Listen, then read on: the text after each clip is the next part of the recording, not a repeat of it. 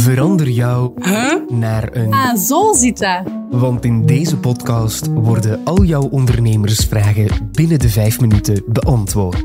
Oh, zit dat zo? Een podcast van Unizo. Hallo, met de Unies Ondernemerslijn. U spreekt met Lien. Waarmee kan ik u helpen? Goeiedag, ik zit even met de handen in het haar. Er zou een aangekondigde staking plaatsvinden binnen mijn onderneming, maar ik weet eigenlijk niet wat mag ik nu wel doen of wat mag ik nu niet doen als werkgever. Allee, eigenlijk wat zijn nu mijn rechten en mijn plichten? Dat is een vraag waar je voor terecht kan bij ons, de Unies Ondernemerslijn. Dus help ik je heel graag eh, verder.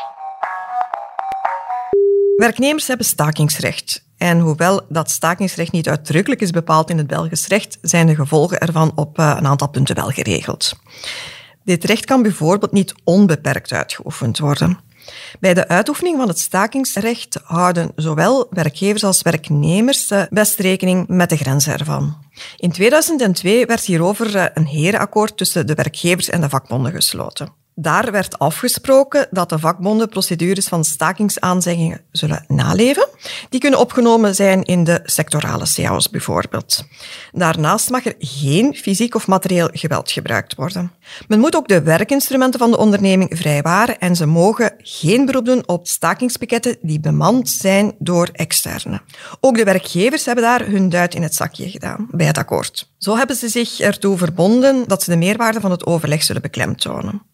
Daar is Unizo trouwens een groot voorstander van.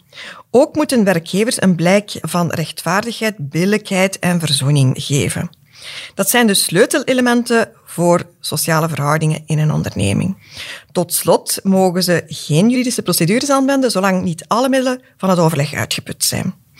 Dit akkoord beklemtoont dus de rechten en de plichten van beide partijen. Een werkgever kan in principe een stakende werknemer niet dwingen om het werk te hervatten. Staken is namelijk een recht. In wel bepaalde gevallen kan hij wel personeel opvorderen. Maar het mag alleen voor de prestaties van algemene belang of minimumprestaties. Denk bijvoorbeeld aan ziekenhuispersoneel. Dat zijn prestaties die noodzakelijk zijn om dringende werken uit te voeren.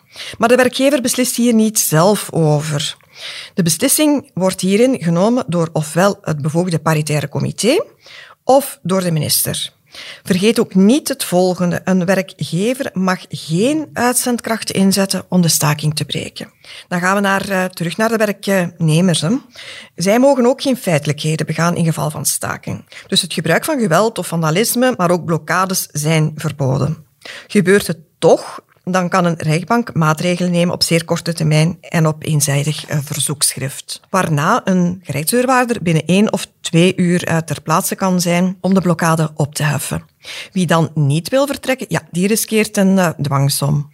Tot slot mogen werknemers die staken de werkwilligen niet verhinderen om aan de slag te gaan. Er is een recht om te mogen staken, maar evenzeer een recht om te mogen werken. Oké, okay, maar hier zitten wel enkele nieuwigheden bij voor mij. Wat met een spontane of een wilde staking? Is daar een verschil tussen mijn aangekondigde staking? Wel, een spontane of wilde staking is een staking die is uitgebroken zonder voorafgaandelijke stakingsaanzegging. Ja, meestal gebeurt dit naar aanleiding van een bepaald incident, waardoor de spanningen erg hoog oplopen. Probeer dit altijd te vermijden. Ook hier is het advies om een open communicatie, om daarop te blijven hameren. Op een werkplek waar een open dialoog tussen werkgever en werknemer mogelijk is, is de kans op een wilde staking veel kleiner.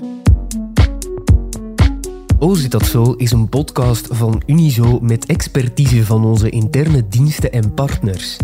Je kreeg informatie over de rechten en plichten bij stakingen. Wil je dit alles nog eens nalezen? Surf dan naar de kanalen van Unizo of klik op de link in de show notes. De productie gebeurde door Laurens Bervoets en Babette Plessers. Eindredactie was in handen van Philip Horemans, Jurgen Muis en Jasmina Plas. Ben je lid van Unizo? Dan kan je net zoals de ondernemers in deze podcast contact opnemen met de ondernemerslijn voor gratis advies. Dat kan gemakkelijk op het nummer 02 21 22 678. Wil je beroep kunnen doen op onze in-house expertise, maar ben je nog geen lid van Unizo? Ga dan voor samen ondernemen en surf als de bliksem naar www.unizo.be.